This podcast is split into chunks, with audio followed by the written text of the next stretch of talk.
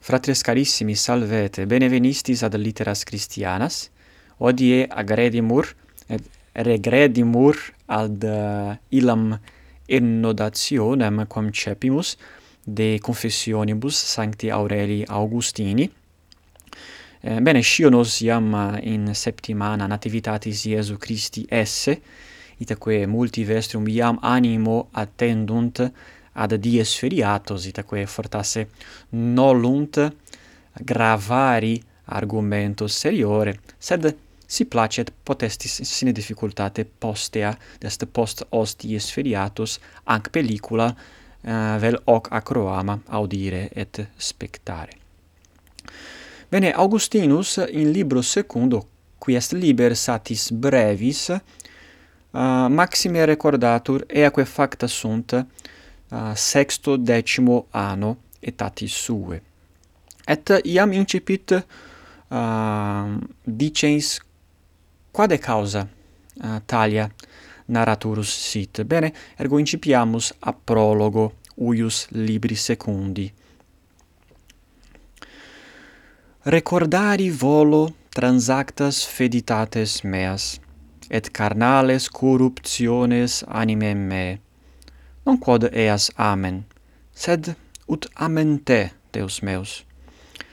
Amore, amoris tui facio istuc, recolens vias meas nequissimas, in amaritudine recogitationis me, ut tu dulcescas mi, dulcedo non falax, dulcedo felix et secura. Et colligens me ad dispersione, in qua frustatin discissus sum, dum abuno te aversus in multa evanui. Exarsi enim aliquando satiari inferis in adolescentia, et silvescere ausus sum variis et umbrosis amoribus, et contabuit species mea, et computrui coram oculis tuis, placens mii, et placere cupiens oculis hominum. Ergo, in primis Augustinus dicit, volo recordari transactas feditates meas et corruptiones carnales anime me, et iam videmus id quod multum placet Augustino dest oxymorum, quod est eh, in unum eh, est eh, statuere vinculum inter duo vocabula quae res diversas res contrarias significant exempli gratia in libro primo audivimus eh, eum loquentem de vita mortali et de morte vitali. Vita mortalis et mors vitalis. Sunt vocabula inter sesse contraria nomne? Et uh, est dicamus figura rhetorica quae multum placet Augustino et vocatur oxymorum et nunc iam videmus aliquid simile nomne? Quia dicit a recordari volo carnales corruptiones anime me, quia, bene, anima est immaterialis, non est carnalis, non est materialis, sicut caro, sicut corpus, itaque habemus corruptiones carnales anime, ergo possumus iam intellegere Augustinum ad ibere, figuram rhetorica ut illustraret qualis esset qualis sit peccatum hoc. Non quod eas amen sed ut amen te deus meus. Et hoc est iam uh, causa cur augustinus uh, recordetur talia nomne cur recordatur? Recordatur ut amet deum. Quia non placet ei talia recordari, sed hoc facit ut amen, ut amet Deum. Amore amoris tui facio istuc. Recolens vias meas nequissimas, in amaritudine recogitationis me. Id est recordari est aliquid amarum. Est sunt peccata, sunt peccata quae Eh, feriunt animum sancti Augustini, itaque ille dicamus non vult talia recordari, sed hoc facit, eo consilio hoc facit, ut amet Deum. Venet ille pulcherime dixit, ut tu dulcescas mi, dulcedo non falax, dulcedo felix et secura id est recordari est res amara, sed ego recordor ut tu dulcescas. Ut tu dulcescas illam amaritudinem recogitationis.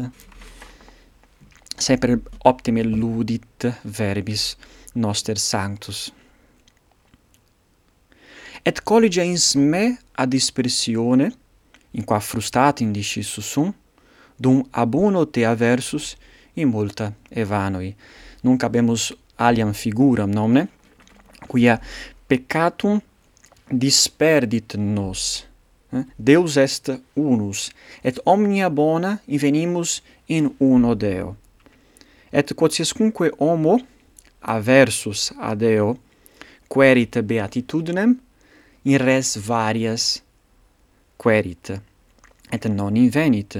Ac de causa quid Deus facit, Deus colligit hominem, qui est dispersus. colligens me ad dispersione, in qua frustatim discissus sum. Bene, discindo, est verbum scindere, sicut nos possumus scindere cartam. Augustinus erat discissus. Discissus frustatim, eh? id est in varias partes, in particulas, eh? habemus adverbium, in qua frustatim discissus sum, dum abuno te in multae vanoi, Deus est unus, et in hoc uno omnia invenimus, et quotiescunque uh, regredimur uh, a Deo, secedimus, nos disperedimur. Exarsi enim aliquando satiari inferis in adolescentia, et silvescere ausus sum variis et umbrosis amoribus. Bene, exarsi dixit nomne, est verbum ardere, exarsi multum uh, arsi, nimis arsi, satiari inferis, id est rebus inferis, rebus inferioribus, qui Augustinus uh, recessit ad Deo, itaque in rebus diversis uh, vult Eh, voluit satiari. Et silvescere ausus sum, et iam habemus verbum quod hic adibitum est sensu figurato nonne?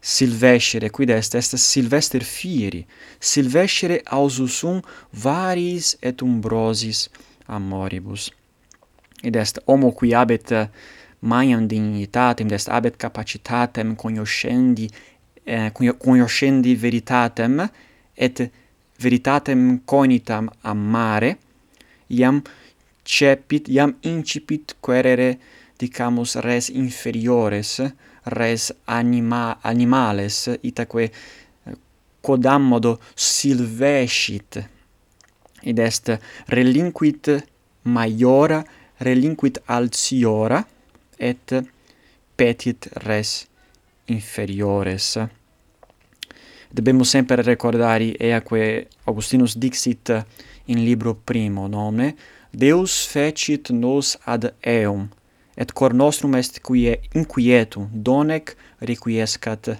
in eo itaque homo creatus est ad res superiores ad res divinas ad res celestes. Itaque animus hominis tantum modo satiatur in Deo qui est ipsa veritas. Itaque cum homo querit beatitudinem extra deum id est in res ille quodammodo silvescit ut dixit Augustinus agit sicut animal irrationalis irrationale.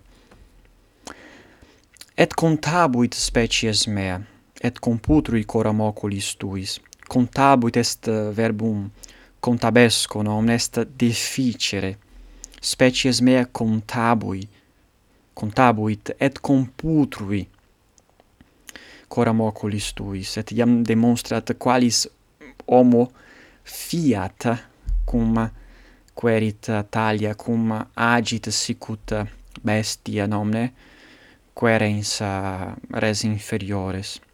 Placens mi et placere cupiens oculis hominum. Bene, ec est introduxio Eh, ic est prologus quo Augustinus iam nobis ostendit de quare locuturus sit et iam videmus ei multum dollere talia recordari sed hoc facit quia vult um, laudare Deum qui eum a uh, ab hoc puteo eh, uh, eripuit et ad veritatem traduxit nunc ad secundam paragraphum eamus.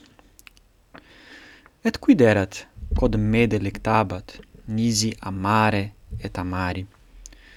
Sed non tenebatur modus ab animo usque ad animum, quate nos est luminosus limes amicitiae, sed exhalabantur nebule de limosa concupiscentia carnis, et scatebra pubertatis.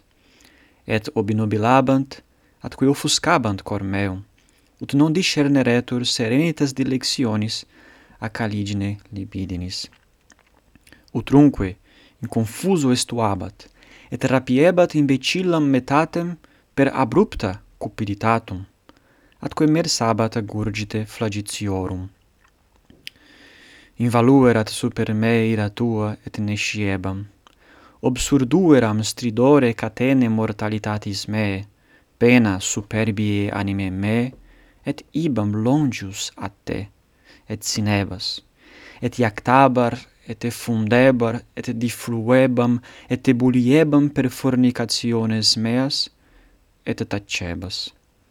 O tardum gaudium meum, tacebas tunc, et ego ibam porro, longe a te, in plura et plura sterilia semina dolorum, superba deiectione et inquieta lassitudine. Bene, ergo Augustinus multa dicit et pulcra, quae certe animum nostrum permovent. Primum dicit, quid me delectabat nisi amare et amari, sed non tenebatur modus ab animo usque ad animum. Id est Augustinus adolescens, Ah, uh, sedecim annorum volebat amare et amari, sed non erat modus in amore, sicut est limes amicitiae, luminosus limes amicitiae, sicut in amicitia est modus, uh, est modus ita, in amore inter amicus, inter amicos est modus, in amoribus quos colebat Augustinus eo tempore non erat modus, non erat mensura, siderata preter modum. Itaque veniebat, ec omnia veniebat ex concupiscentia carnis, et ex scatebra pubertatis.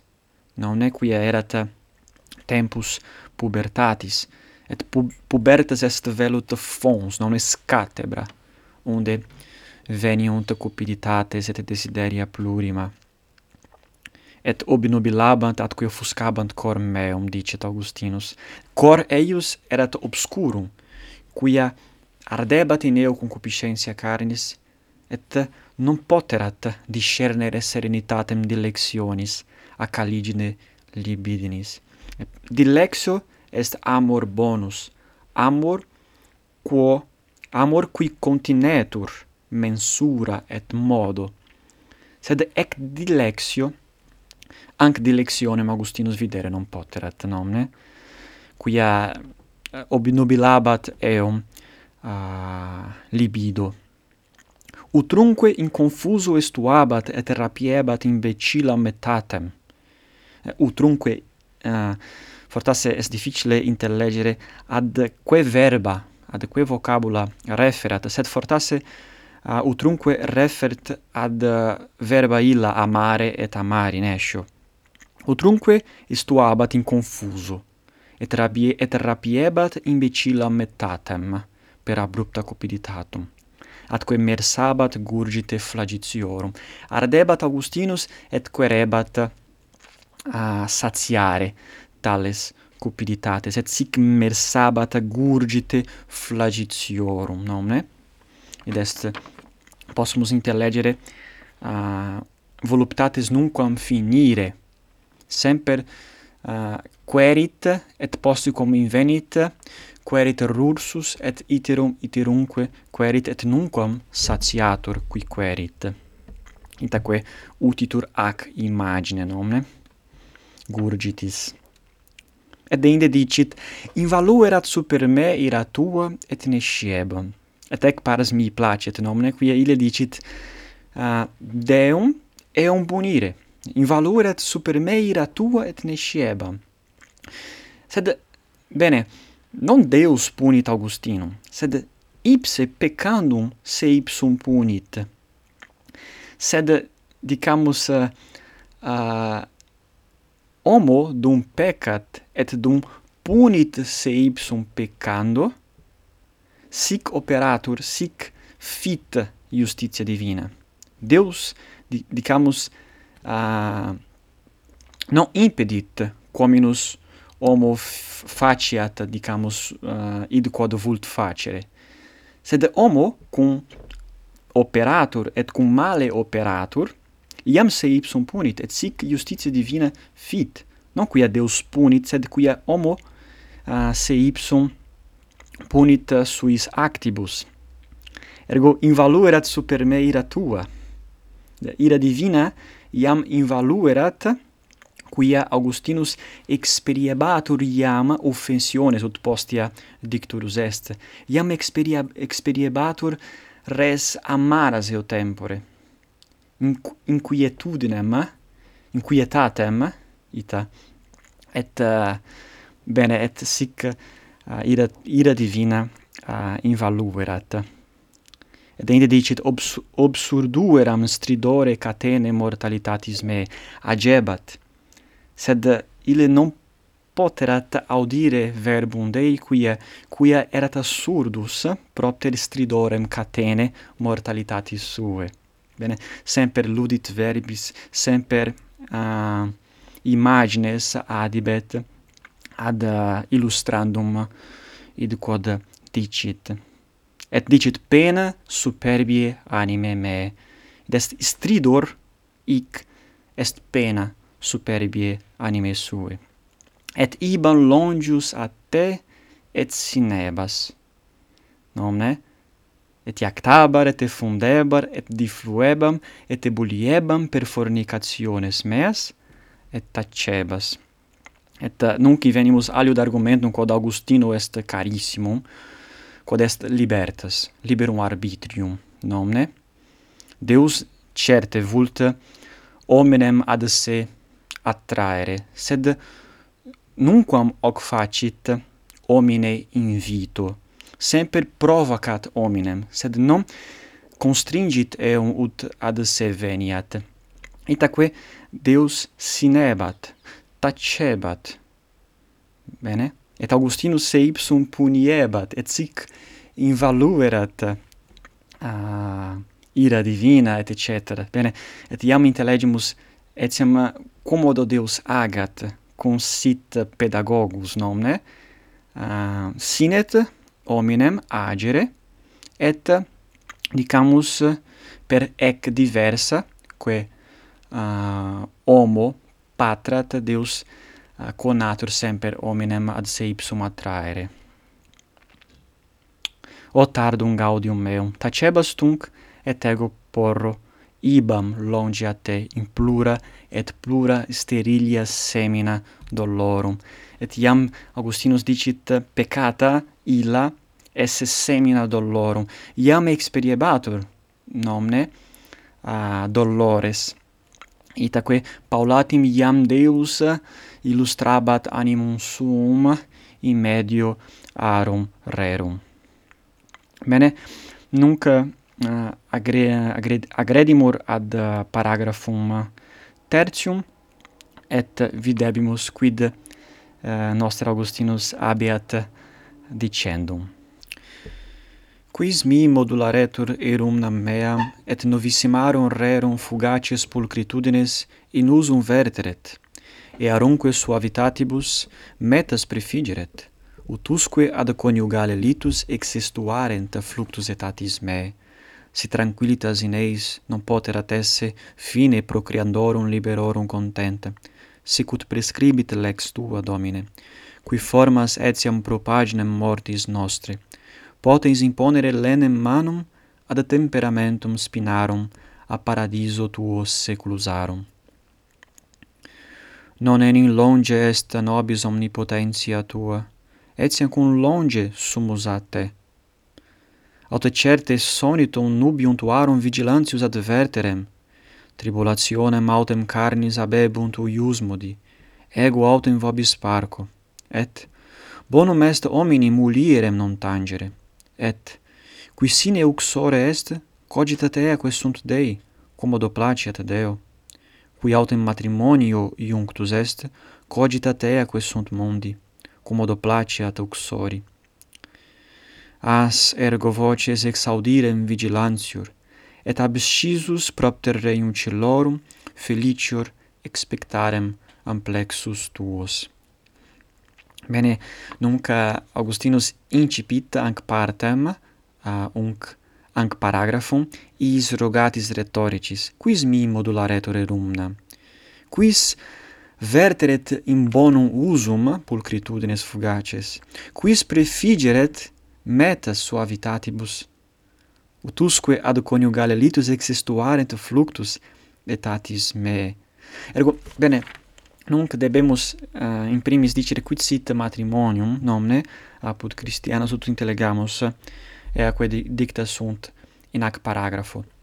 Christianis matrimonium est uh, statutum est dua, duabus de causis. Prima causa est ut coniuges uh, inter se ament et foveant unc amore mutuum intersesse.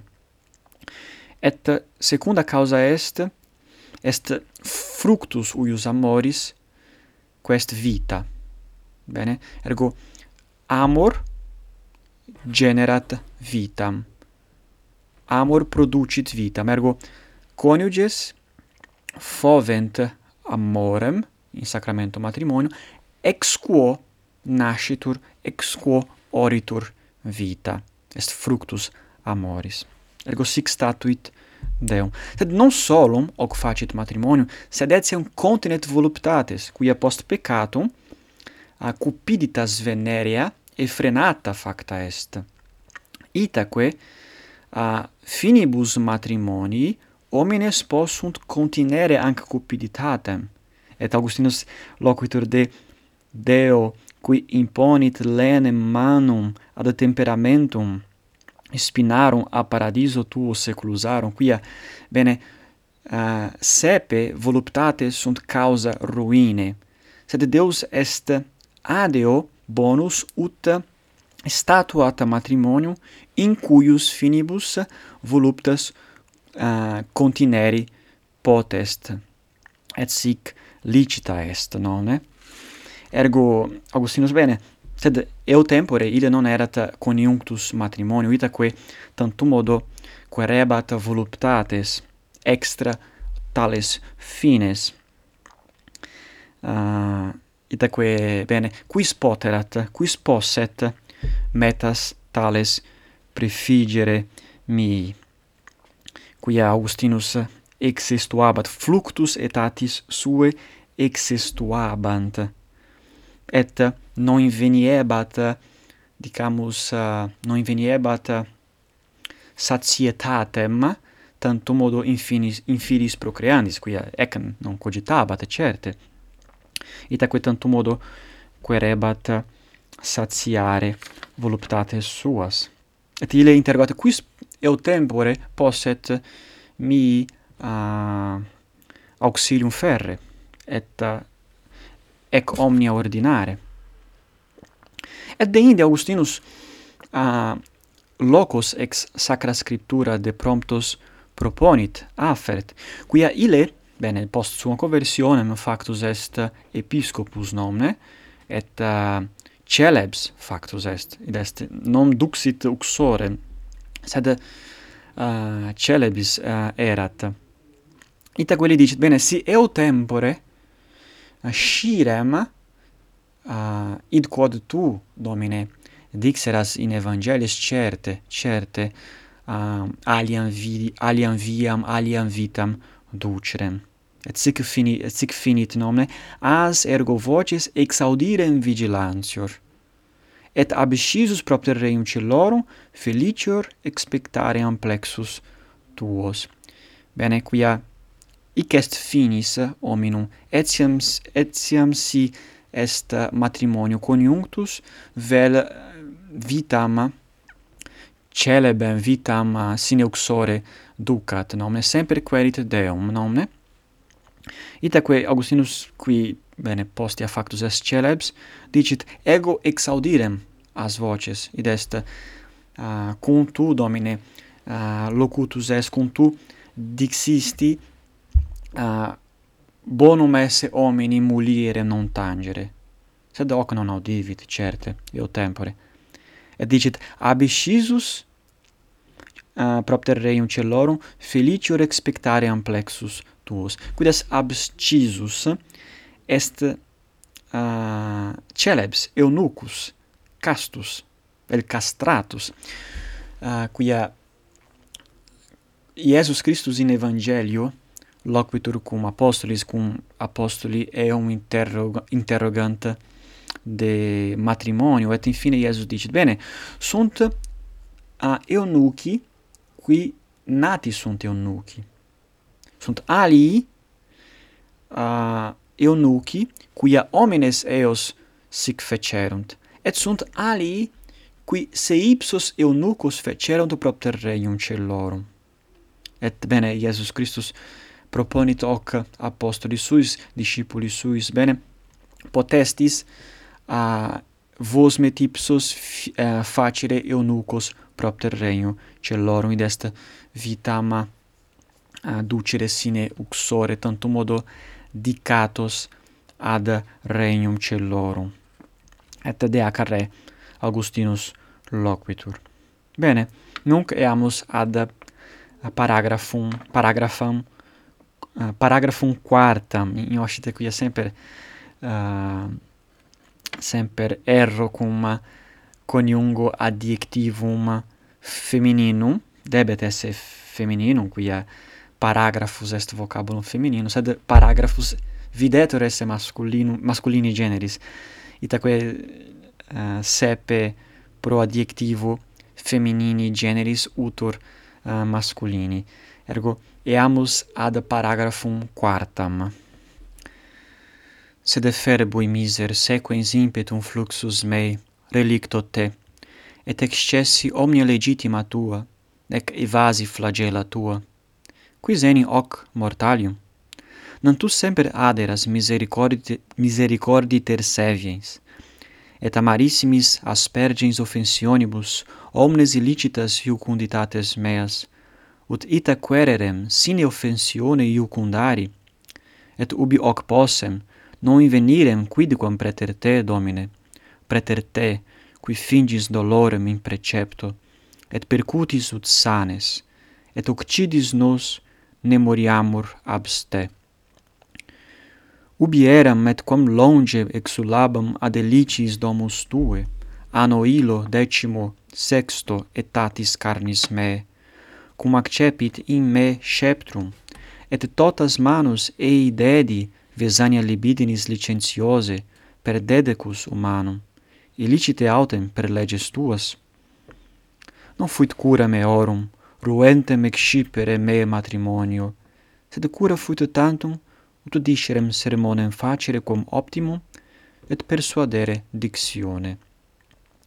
Ergo nunc Augustinus loquitur de presentia Dei, Deus semper ad fuit, etiam iis momentis difficilibus, in quibus Augustinus erat mersabat gurgite flagitiorum, Deus semper presens erat nomne, semper misericorditer seviens, cur quia Deus aspergebat amarissimis offensionibus illicitas illas iucunditates eius, nomne?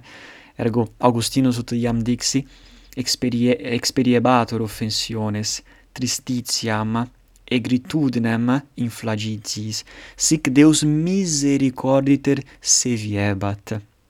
Et demonstrabat ei, non esse hoc non esse bonum, hoc non esse probum, in ac, in ac re beatitudinem non ad esse. Ergo, Augustinus bene uh, pulcherime dicit, Tu percutis, Domine, ut sanes, et occidis nos ne moriamur, abste, est pedagogia divina. Semper Deus uh, tuetur nostram libertatem, semper spectat ad libertatem nostram, sed querit nos aputeo a eripere itaque a sic ducit sic conducit ec omnia providentia sua. Et infine dicit de suis de bene loquitur de suis uh, parentibus certe de suis familiaribus. Uh, non, non fuit cura meorum ruentem excipere me matrimonio, dest parentes familiares non cura verunt ut ego uh, matrimonium contraerem, sed cura fuit tanto ut dicerem sermonem facere quam optimum et persuadere dictione. Bene? Et tantum modo veni etiam exponere aliquid quod fortasse obscurum uh, est, ille dicit uh, Ubi eram et quam longem exulabam adelicis domus tue, anno illo sexto decimo etatis carnis me, bene, loquitur de delicis divinis nunc, nomne, non de flagitis, sed de, de delicis divinis. Cum accepit in me sceptrum, et totas manus ei dedi, Vesania libidinis licentiose. Id est Vesania libidinis, stultitia libidinis, sceptrum uh, accepit in eo. Id est rexit eum. Ergo Augustinus uh, erat gubernatus a vesania libidinis nomne, et ile, ipse, totas manus ei dedit. Id est, deditus erat talib, talis, talibus voluptatibus. Et sic bene, uh, finem imponit uic parti, et in proxima pellicula, in proximo acroamate nostro, uh, pergemus in librum secundum. Optime, gratias vobis ago, et in proximum valete.